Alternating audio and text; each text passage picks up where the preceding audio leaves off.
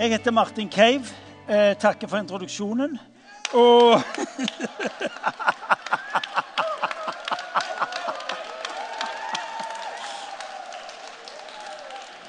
Ja, men jeg syns jeg syns det er litt kult når kona mi står her og leder og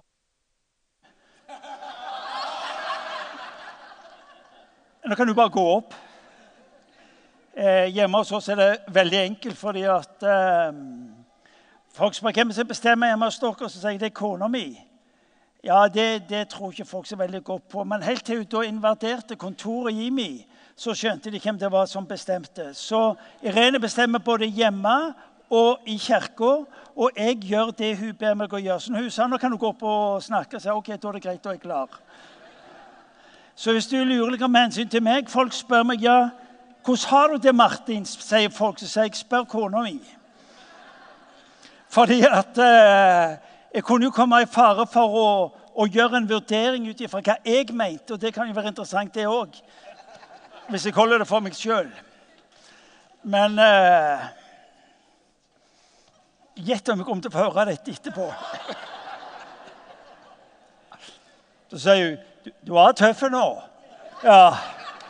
Syv meter er mitt lås. Så eh, Folkens, for å si det som det var, dette er innledningen. jeg Han var god.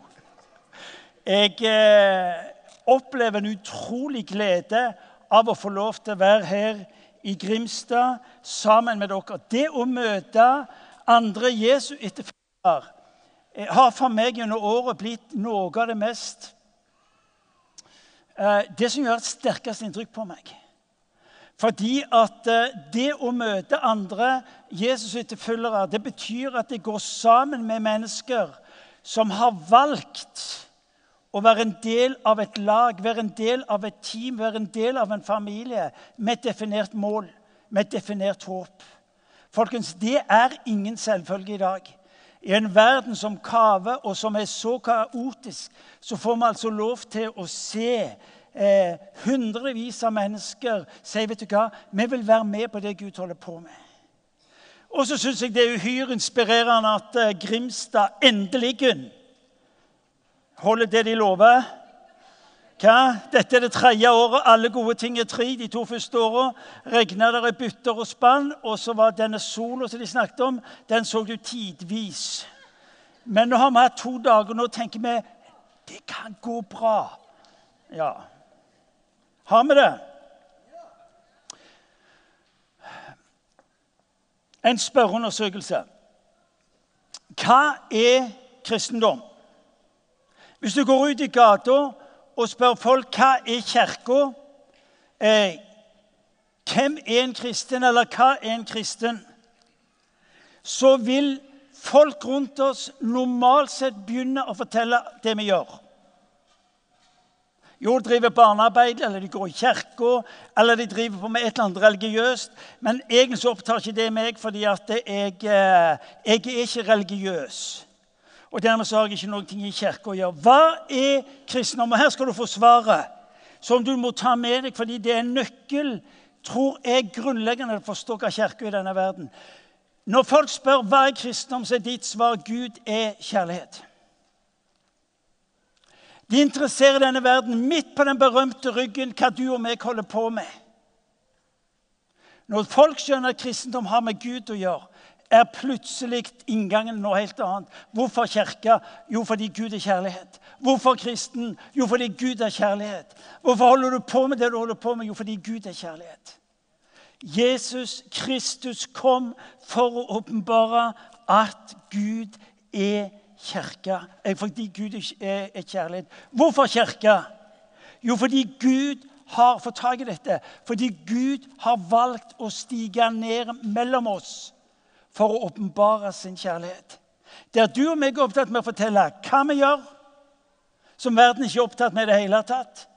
Men i det du begynner å fortelle om at vet du hva, kirka er et sted hvor Gud har valgt å stige ned, er plutselig altså, utgangspunkt noe helt annet. Og Det er noe av det vi skal snakke om i kveld. Gud er kjærlighet. I begynnelsen, når jeg, noen dager jeg skulle begynne å forberede til denne undervisningen, så sier jeg, Gud, hva, hva ligger på ditt hjerte? Og så kom det tall av min kjærlighet. Ja, men det, det, der har folk greie på. Nei, det har de ikke. Det var min dialog. Nei, det har de ikke. For hadde de skjønt hva kjærlighet er, så hadde de levd annerledes. Og folkens, det er et ord til deg og til meg, ikke primært de der ute. Gud har ett ønske for denne kvelden. Det å ta deg og meg inn i det som hans utgangspunkt, nemlig han er kjærlighet. Det er utgangspunktet. Ut ifra dette flyter alt det andre som skjer i denne verden, som bærer Jesu navnet på, Den hellige ånds navn på, Gud Faders navn på. Alt har, alt, for alt dette er et utgangspunkt, nemlig Gud er kjærlighet. Grunnen til at dere er her inne, har med kjærlighet ja, fordi dere har erfart kjærlighet. Dere er i Glimt denne hallen i dag fordi dere har erfart, fordi dere tror på, fordi dere regner med denne Guds kjærlighet. Ja, Men Guds kjærlighet er ingen statisk størrelse som er der ute. Kjærligheten er selve beveggrunnen i det som er kirka sitt liv, om du vil, i Gud Fader sitt liv. Hva er kjærlighet? Gud ønsker å si til deg og meg i kveld For at du skal få tak i hva det vil si å leve i denne verden, må du få tak i at jeg elsker. Punktum. For alt defineres ut ifra dette faktum. En gang til. Når Gud ønsker å eksponere seg inn i denne verden, så skjer det ved at han definerer det ut ifra kjærlighet. Alle disse her eh, sterke ordene vi har, springer ut ifra en Gud hvis hjerte er i bevegelse. En Gud hvis hjerte er i bevegelse mot mennesker. Alle mennesker, alle slags mennesker. Fordi han er og handler ut ifra kjærligheten. En kjærlighet som ikke defineres ut ifra respons. Det er noe av det mest fascinerende når jeg i min vandring med Jesus skjønner at kjærligheten er ikke noe som framtrer pga. vår behov eller eh, det som måtte være vår livssituasjon. Kjærligheten er Guds natur. Han elsker fordi han er kjærlighet. Hans kjærlighet er ikke slik å ja, nå trenger Martin litt ekstra kjærlighet. og så. Nei, Han er nær fordi han elsker. Det var kjærligheten som tok Jesus til jorda. For så høyt elska Gud verden. For så høyt elska. Få tak i dette. Fordi at beveggrunnen for Gud å handle inn i denne verden, alle sider ved Gud, å handle inn i denne verden, har sin basis i kjærligheten i hvem hans hjerte er. En verden som ikke ga løfte om å ta imot denne kjærligheten. Når Jesus dør på korset, demonstrerer hvor høyt Gud elsker, så skjer ikke det i, et slags Guds forventning om at nå skal mennesker betale tilbake i form, av omvendelse. Han elsker fordi han elsker. Han dør på et kors fordi han elsker. Ja, Men om det ikke var ett menneske på denne kloden som valgte tro og ta imot det som skjer på korset, så ville han allikevel ha gjort det fordi han elsker. Denne kjærligheten er i sin karakter uselvisk. Jeg elsker uansett hva du gjør med det. Jeg elsker uansett hva du måtte mene om det. Jeg elsker uansett om du vender tommelen ned, gir blaffen i det, vender ryggen til det. Jeg vil du skal vite en ting. Jeg elsker uansett. Og dette er faktum. At om ikke noe menneske hadde vendt om etter at Jesus dør på korset og står opp ifra de døde, vil han allikevel vil han allikevel ha demonstrert hvor høyt han elsker. Det er ditt og mitt utgangspunkt. Jesu ubegripelige liv, soning og død, er bildet på en kjærlighet. Hvordan er Gud? Ja, se på Jesus. Når du og meg skal få tak i hvordan denne kjærligheten uttrykkes, hvordan den synliggjøres, så får du øye på denne Kristus. Vi kjenner alle til eh, teksten fra første brev til Korinterne, kapittel 13, om kjærlighetens kapittel og kjærlighetens vei. Det, er, det er Paulus. Det er Paulus som skriver den, men han skriver den på vegne av Mesteren. Og han sier om jeg taler med menneskers og englers tunger, men ikke har kjærlighet, da er bare en drømmen, drønnende malm eller en klingende bjelle. Om jeg har profetisk gave, kommer alle hemmeligheter og eier, kjenner alle hemmeligheter og eier all kunnskap. Om jeg har all tro, så jeg kan flytte fjell, men ikke har kjærlighet, da er jeg intet. Om jeg gir alt jeg eier til brød for de fattige, ja, om jeg gir meg selv til å brennes, men ikke har kjærlighet, da har jeg ingenting vunnet. Kjærligheten er tålmodig, kjærligheten er velvillig. Den misunner ikke, skryter ikke, er ikke hovmodig. Kjærligheten krenker ikke, søker ikke sitt eget, er ikke oppfarende, gjemmer ikke på det onde. Den gleder seg ikke over urett, men har sin glede i sannheten. Kjærligheten utholder alt, tror alt, håper alt, tåler alt. Kjærligheten er Kristus.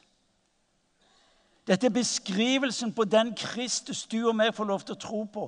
Dette er en beskrivelse om, om den kjærlighet som har sitt sentrum i Guds, Guds hjerte, og som er utgangspunkt for hans måte å fremtre på i denne verden.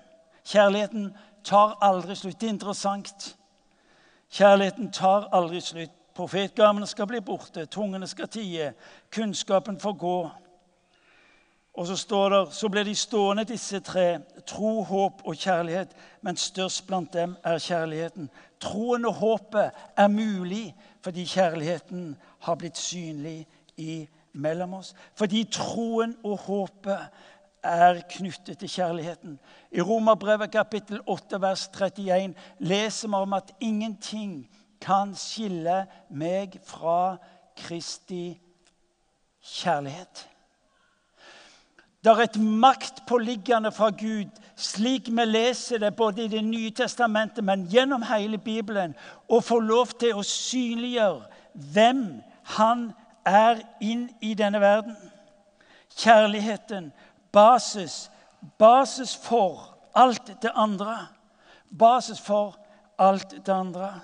Og Hvorfor blir det så viktig for oss å la nettopp kjærligheten få bli utgangspunktet? Fordi, og dette må du få tak i. Fordi at fokuset vårt så lett fanger oss. Ordene fanger oss så lett. De definerer oss. De angir retningen. De angir strategien. Og dermed så står vi i fare for at folk blir fiender. Legg merke til ordene her. Kristi her. Når vi snakker om revolution hva, hva er det vi får tak i? Vi får tak i konfrontasjonen. Vi får tak i definisjonen. Hvem folk er, hvor de er. Og så blir vi plutselig fanga av og definerer i henhold til. Og så blir strategiene De blir utforma på basis av forståelse som er skapt av ord reformasjon, organisasjon, kirkesamfunn. Og så valgte vi hæren, og så valgte vi kampen, og så valgte vi krigen. Kjærligheten ser ikke fiender. Kjærligheten ser ikke motstandere. Kjærligheten ser ikke de som er imot. Kjærligheten ser etter hvem som kan elskes. Elske sin neste som seg sjøl. Og så er det en sånn, en, sånn en type Å elske sin neste som seg sjøl. Elske sine fiender. Elske hverandre som jeg elsker dere. Jeg kan vel det si, Og gi sitt liv for hverandre. Bibelen har et hovedbudskap, folkens. Og ikke reduser det til noe såkalt ubetydelig fordi om denne verden har gjort det. Det er så viktig at du og meg skjønner at Kirka sin fremtreden i denne verden er kjærlighet. Målet er ikke å vinne mennesker for evangeliet. Målet er å elske mennesker for evangeliet. Det er to forskjellige ting.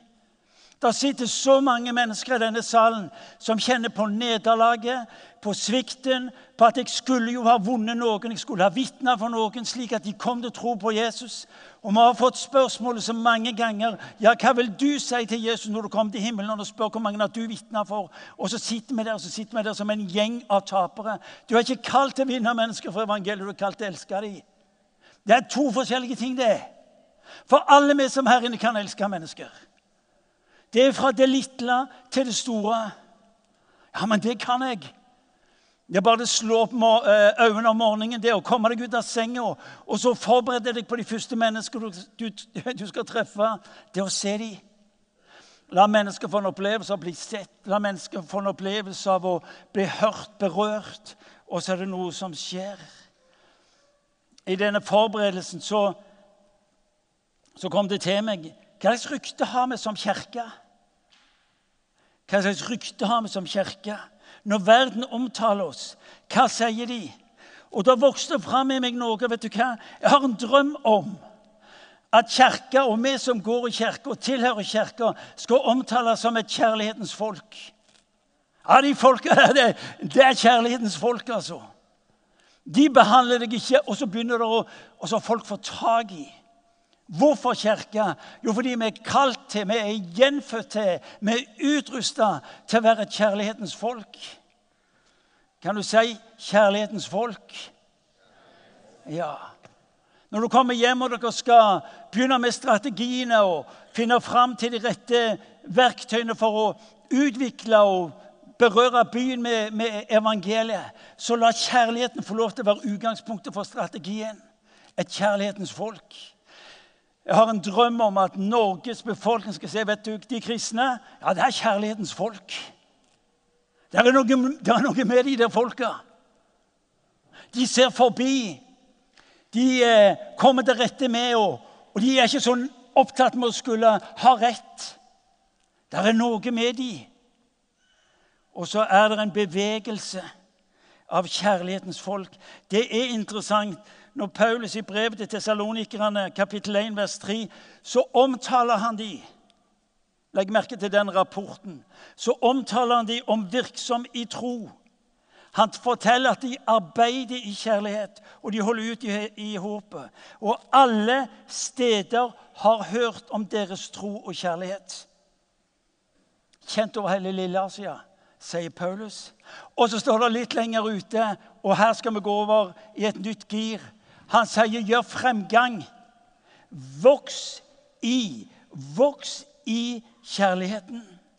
Hvorfor er han så opptatt med det? Jo, fordi kjærligheten representerer den sterkeste, sterkeste form for gjennombruddskraft i denne verden. Der du og meg er opptatt med gavene, med verktøyet som Gud har gitt oss, så er han opptatt med nei, nei, nei, nei, nei. Små ting gjort i kjærlighet er det som forandrer verden. Små ting. Ja, men det er så lite ubetydelig og langt ifra. Vi vet at det er de små tuene som velter det store lasset. Er det ikke det? Det er det siste strået som gjør at hesten brekker ryggen. Små ting, små ting gjort i kjærlighet. Jesus gikk rundt og gjorde godt. Jesus gikk rundt og demonstrerte kjærlighet. Når, eh, når forfatteren av Apostelens gjerninger skal lufte opp hvem allmaktens Gud er, og hvordan han har gjort seg synlig inn i denne verden. Hva er det som skjer? Han begynner å fortelle om en Kristus som gikk rundt og demonstrerte kjærlighet. Kjærligheten forvandler. Kjærligheten forvandler. Hvorfor forvandler den? Og Du må få tak i dette. Jo, fordi kjærligheten gir deg å tenke annerledes. Tenke annerledes. Nytt tankegods ifra Gud. Bli forvandlet ved fornyelsen av deres sinn, står det Romerbrev kapittel 12. Hva betyr det? At du skal få nye kreative tanker. Ja, gjerne det òg, men egentlig ikke det primære. Men å tenke som Gud. Når, Peter, når Jesus har oppgjør med Peter, så sier han Peter, hør nå, du skjønner jo ingenting av dette her. Du fortsetter jo å tenke som denne verden. Kjærligheten tar deg inn i en prosess av å tenke annerledes. For kjærligheten tar deg inn i å tenke kjærlighetens tanker. For hva du tenker i ditt hjerte, slik vil du fremstå. Slik vil du fremstå. Hans ord. Det andre som skjer, det er at når du tenker annerledes, så ser du annerledes. Du ser menneskene annerledes. Kjære Gud, hvor denne verden lengter etter å bli sett. Lengter etter å bli sett. Ikke situasjonen som de, er, som de måtte være i, men som Gud er. Når du ser situasjonen og begynner å definere fortjeneste, og så har vi hele denne regla på hvorfor folk får som de fortjener, så er Gud opptatt med å fortelle Hør nå, ikke se situasjonen som de er, men se dem som Gud er. Se ikke mennesker som de er, men som de kan bli. Det var den måten Jesus møtte deg og meg på. Denne verden lengter etter å bli sett av mennesker som har kjærlighetsøyne. Men kjærligheten hjelper oss også til å handle annerledes. Elske. Hvordan kan jeg elske på en ny og annerledes måte? Og så er det interessant I eh, første brev til Korinterne, kapittel 14, så står det 'jag etter kjærligheten'. Første verset Første linja etter første brev til kapittel 13, så står det 'jag etter kjærligheten'. Så kommer det etterpå 'jag etter eh, åndsgavene'. Men forut for nådegavene, forut for åndsgavene, så sier han 'jag etter kjærligheten'. Jag etter kjærligheten. Med andre ord så er kjærligheten en størrelse som ikke er statisk, men som er dynamisk, og som blir en del av livet vår slik som vi er i denne verden. Jag etter kjærligheten. Jesus har ett mål med ditt og mitt liv. Ett mål. Det er å få lov til å elske deg og meg maksimalt. Det er litt av et perspektiv. Han er ikke primært opptatt med hva han kan få ut av deg, men han er opptatt med hva han kan få inn i deg. Han er ikke opptatt med at du skal beherske all kunnskap, alle nådegaver. Det er bare bonusen. Det er bare frukten av. For han vet at hvis han kan få lov til å overbevise deg og meg om at han elsker oss betingelsesløst, så vil vi våge å ta imot det vi er redde og usikre på. Mye av usikkerheten når det gjelder åndsgavene, er jo nettopp knytta fordi at vi har løsrevet gavene ifra Han som er giveren, ifra Han som sier vet du hva, Gavene er uttrykk for min kjærlighet til deg. Han har ett mål med deg og med meg. Få tak i det. Det å elske oss. Hans ord til deg er 'la meg få lov til å elske deg'. For i den grad jeg får elske deg, vil du kunne elske andre med min kjærlighet. La meg få lov til å elske deg. Et kjærlighetens folk bærer kjennetegn av å være elska, og som har våget denne kjærligheten på eget liv. Og la meg nå få lov til å si, som en formaning til oss Det blir så avgjørende viktig at du og meg ikke forveksler gavene med giveren, for dermed blir gavene i fokus. Tjenesten, menigheten, helbredelsene, undergjerningene Det er interessant at når han i åpenbaringsboken tar et oppgjør med en menighet Menigheten i Philadelphia så er situasjonen slik at han anerkjenner dem for alt det gode som de gjør. Med lære, avviser det onde, de følger ordet. I det hele tatt så er det en uklanderlig menighet. Men dette har jeg imot deg, det at du har forlatt din første kjærlighet. En kjærlighet som sier noe om relasjon med Han. Du og meg er ikke primært kalt til produksjon, er kalt til relasjon. For ut ifra relasjonen vil det livet som du og meg drømmer om, og som denne verden lengter etter, bli tilgjengelig.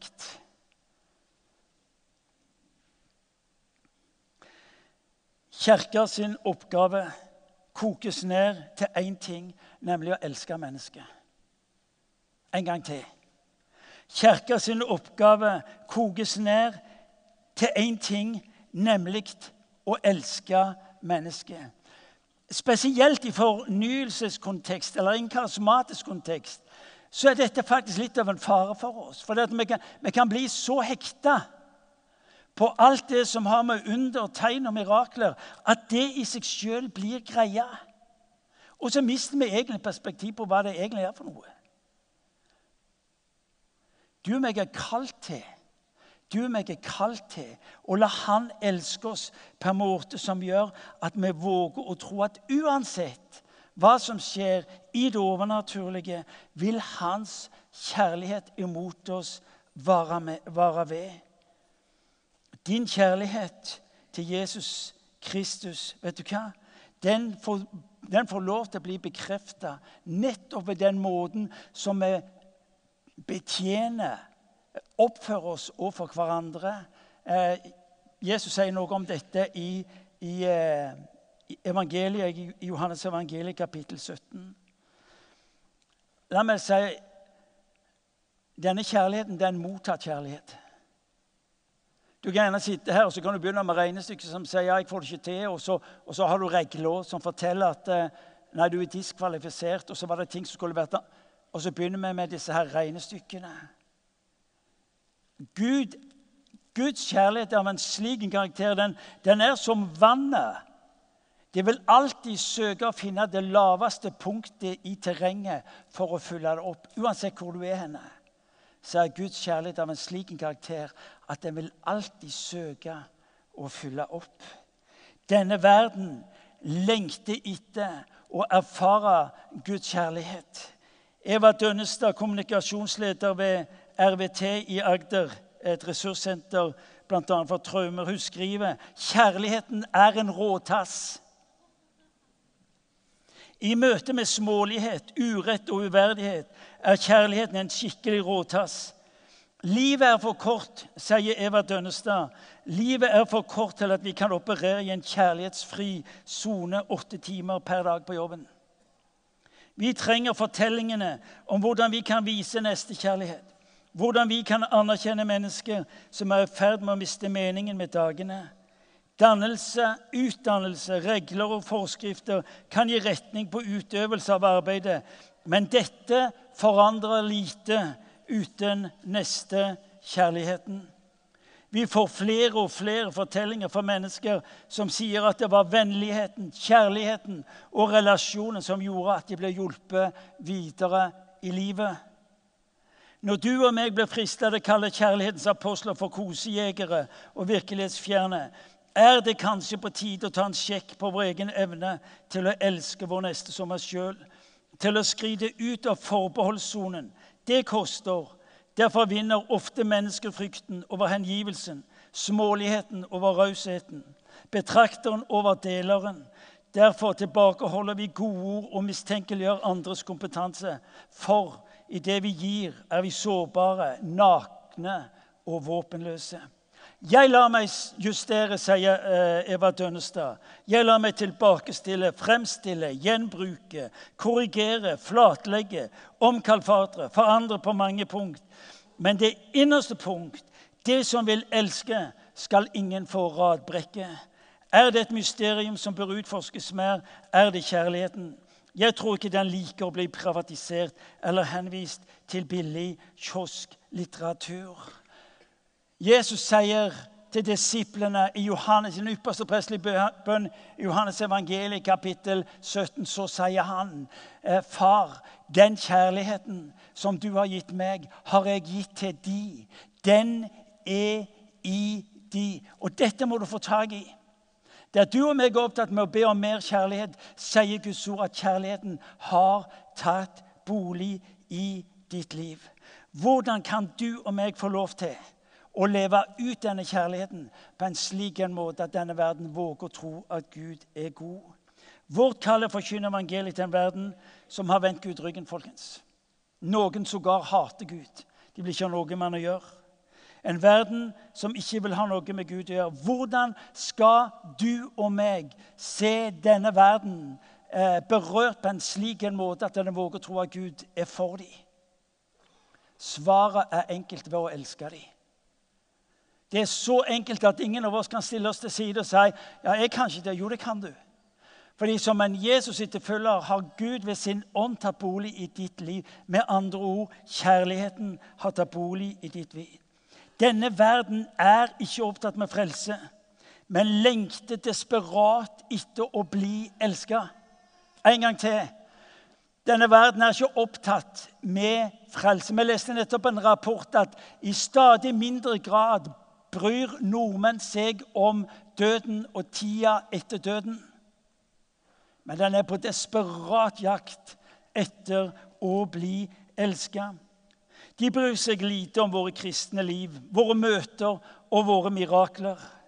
Det er interessant hva Jeg møtte en pastor som sa Martin, det er tankevekkende at vi har aldri sett så mye helbredelser i vårt hus som de senere årene. Men det har liten betydning inn i samfunnet, og det har liten betydning at mennesker gir seg over til Gud. Kirka blir bare et av de mange såkalte alternativene i det såkalte alternative miljøet. Bibelen kommer til oss med en ny regnemåte. En, en menighetssuksess måles i kvaliteten på kjærlighet. Folkens, våg den. En menighets suksess måles i kvalitet på kjærligheten. Den viser seg og hør nå, i anerkjennelse, i respekten, i harmonien, i enheten, inkluderingen, i nærheten. Å holde sammen i vanskelige tider, bære byrder, tilgir, oppmuntrer, fellesskap, det å komme sammen regelmessig. Kjærligheten kommer til uttrykk ikke primært med de masse såkalte åndelige tingene, men ved et nærvær. Testen på din og min menighet er kjærligheten. Ja, betyr det? Ja, det betyr at midt i det ekstraordinære så kan det være et kaldt sted å være. Midt i det ekstraordinære står vi i fare for å oppleve at mennesker forblir like ensomme, like såra, like hjelpeløse. Fordi at det som var selve kraften i de gavene han ga oss, ikke berørte mennesker. Kristi kjærlighet tvinger oss. Kristi kjærlighet tvinger oss. Det er hans kjærlighet du og meg både skal få lov til å være en del av og gå ut med. Han ber oss om å lære å elske hverandre. Folkens, Det er noe du har et bevisst forhold til. Det er noe som du søker å jage etter. Jeg kjenner for min egen del at når jeg berører denne teksten, så skaper den i meg La meg få lov til å prøve mine motiv i møte med mennesker. La den få lov til å prøve mitt hjerte i møte med mennesker. Gud, la kjærligheten få lov til å være testen på mitt liv. Det interessante er at når Johannes skal summere, så sier han kallet for deg og meg er å lik Kristus. Folkens, det blir vi ikke ved å ta sammen, men våge å omfavne det Gud rekker oss. Betyr det at jeg nå har talt imot undertegnede mirakel? Og langt ifra. Men kraften i det, når vi sammenholder den godhet du leser om i Apostelens gjerninger, kapittel 10, vers 38 Jesus gikk rundt og gjorde godt. Jesus gikk rundt og demonstrerte kjærlighet, og så helbredet han de som var kua av de onde demoner. For oss og for deg og for meg blir det å holde dette her sammen. Nå kan Thomas komme opp med sitt folk. I første brev Korinterne, kapittel 14, leste jeg 'Jag etter kjærligheten'.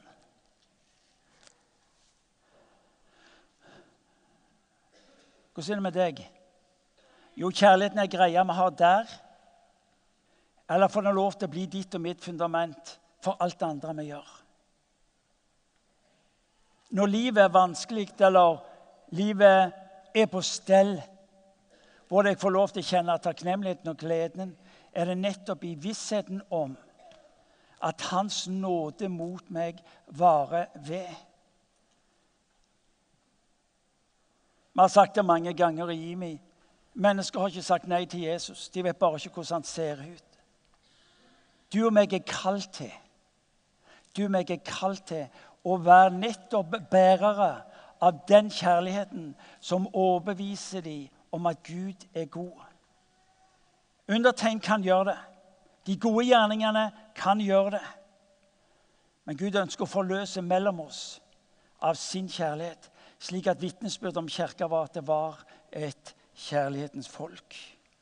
Du og meg skal få lov til noen minutter i kveld eh, å ta imot. Rett og slett ta imot av hans kjærlighet. I Romerbrevet kapittel 5, vers 5 så leser vi at han har utøst av sin kjærlighet ved Den hellige ånd i ditt og mitt hjerte. På den ene sida så har vi altså Guds kjærlighet i oss, og på den andre så oppmuntres vi til å jage etter, søke mer av den, nettopp fordi den skal få lov til å berøre i stadig større grad. Hvis jeg spør dere her inne vil du ha mer Guds kjærlighet, så er jeg ikke i tvil om hva du vil si. Ja, det vil du ha. Bill Johnson har sagt det slik Gud har gitt deg det du trenger, men det du vil ha, må du gå for. Han har gitt deg det du trenger for din frelse og salighet. Men det du vil ha, må du gå etter. Hvis du ønsker å være med og se at landet vårt, denne verden, berøres av Guds kjærlighet, vet du hva? så sier Guds ord jag etter det. Ikke vær fornøyd med det du har, men jag etter det. Det er noe urolig, det er noe rastløst i det. Folk sier ja, men det blir litt urolig. Ja, det skulle da bare mangle. Den uroen tok mesteren til korset. Den uroen tok 11-12 eh, apostler til martyriet. Men de kunne ikke la være. Når Kristin og David snakker om Makedonia, så velger de inn i det mest kålsvarte du kan tenke deg. Men dilemmaet og greia er jo det at Makedonia er ikke primært svart. Det er bare et sted for hvor lyset er fraværende. Det er derfor de representerer håpet. Det er derfor de representerer muligheten. Der du definerer at her er det kålende svart, her er det umulig, så skal jeg fortelle deg det er en løgn. Mørket er en virkelighet fordi lyset er fraværende. Når du er der, er lyset til stede. Og ved det begynner den revolusjonen, den berøringen, forvandlingen, som denne verden trenger til. Kan jeg få lov til å be dere om å reise dere, og så skal vi be.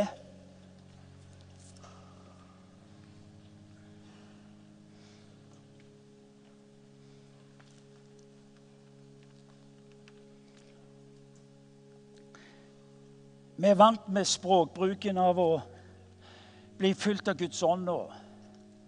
fylt av Guds visdom. og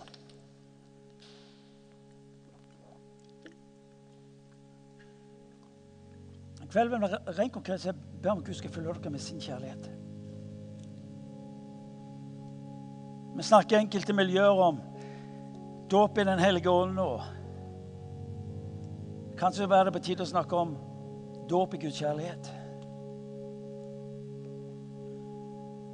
Hvor han kan få lov til å ikke bare senke deg ned i sin konkrete og nærværende kjærlighet, men fylle deg på en slik en måte at ditt liv forandres. Ditt liv i forhold til dine omgivelser.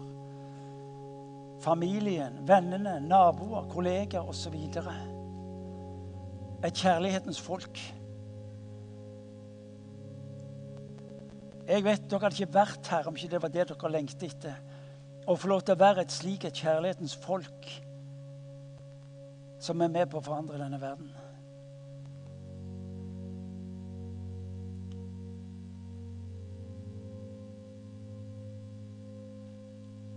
Kan jeg få lov til å invitere deg inn i Hvor du ikke nå primært er opptatt med alt det du må slutte med. Med alt som skulle vært annerledes i ditt liv med synd som du skulle ha avlagt for lenge siden.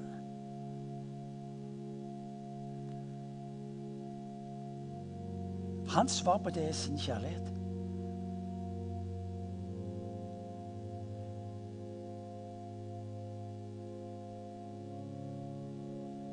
Når du er opptatt med alt det som du kjenner på du mangler i ditt liv, så vil han si mitt svar det, det er min kjærlighet. Kjærligheten tar, tar deg inn i hans nærvær. Og så hans lengsel etter å berøre deg. Og la meg gå så langt som å si det slik Han er ikke primært opptatt med å forandre deg. En gang til. Han er ikke primært opptatt med å skulle forandre deg. Han er opptatt med å elske deg.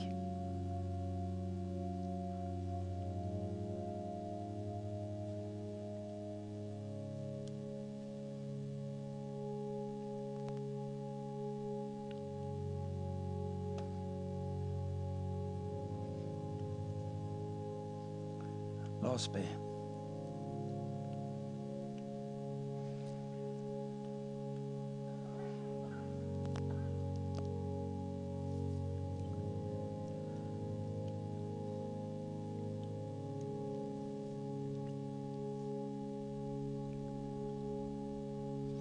Far, du kjenner oss.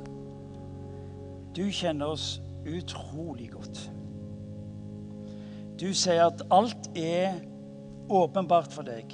Du sier at alt er nakent for deg.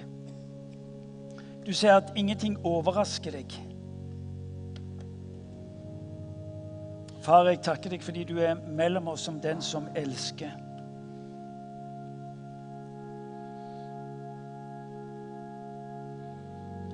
Kom, Helligånd. Jeg ber om at du skal forløse din kjærlighet i vår liv. Far, jeg vil be om at du skal forløse av din kjærlighet i våre liv på en slik en måte at ditt ansikt blir synlig.